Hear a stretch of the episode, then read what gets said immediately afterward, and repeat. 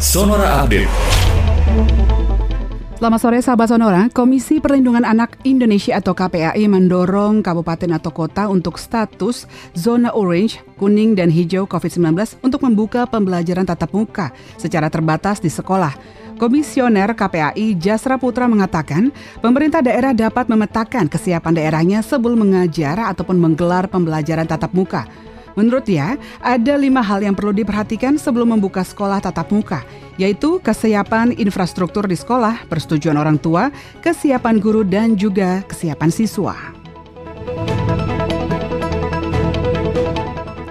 Sebanyak 79 warga di RW 06 Kelurahan Kelapa II, Kecamatan Kelapa II, Kabupaten Tangerang, Banten terkonfirmasi positif COVID-19. Mereka terpapar usai menggelar kegiatan kerja bakti lingkungannya. Juru bicara Satuan Gugus Tugas atau Satgas COVID-19 Provinsi Banten, Ati Pramuji Hastuti mengatakan 79 warga yang terpapar virus corona setelah Satgas melakukan dua kali tracing.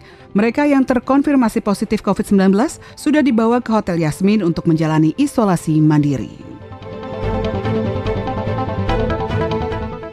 Kita ke informasi lain, Presiden Joko Widodo memperkenalkan komik berjudul Jelajah Indonesia Maju melalui unggahan di akun Instagram resminya @jokowi.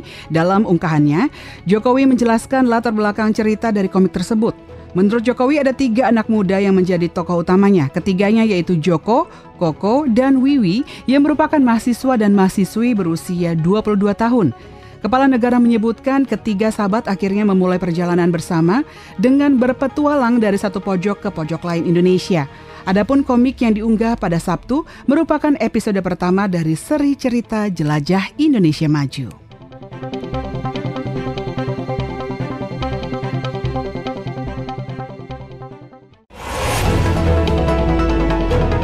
Demikian Sonora Update.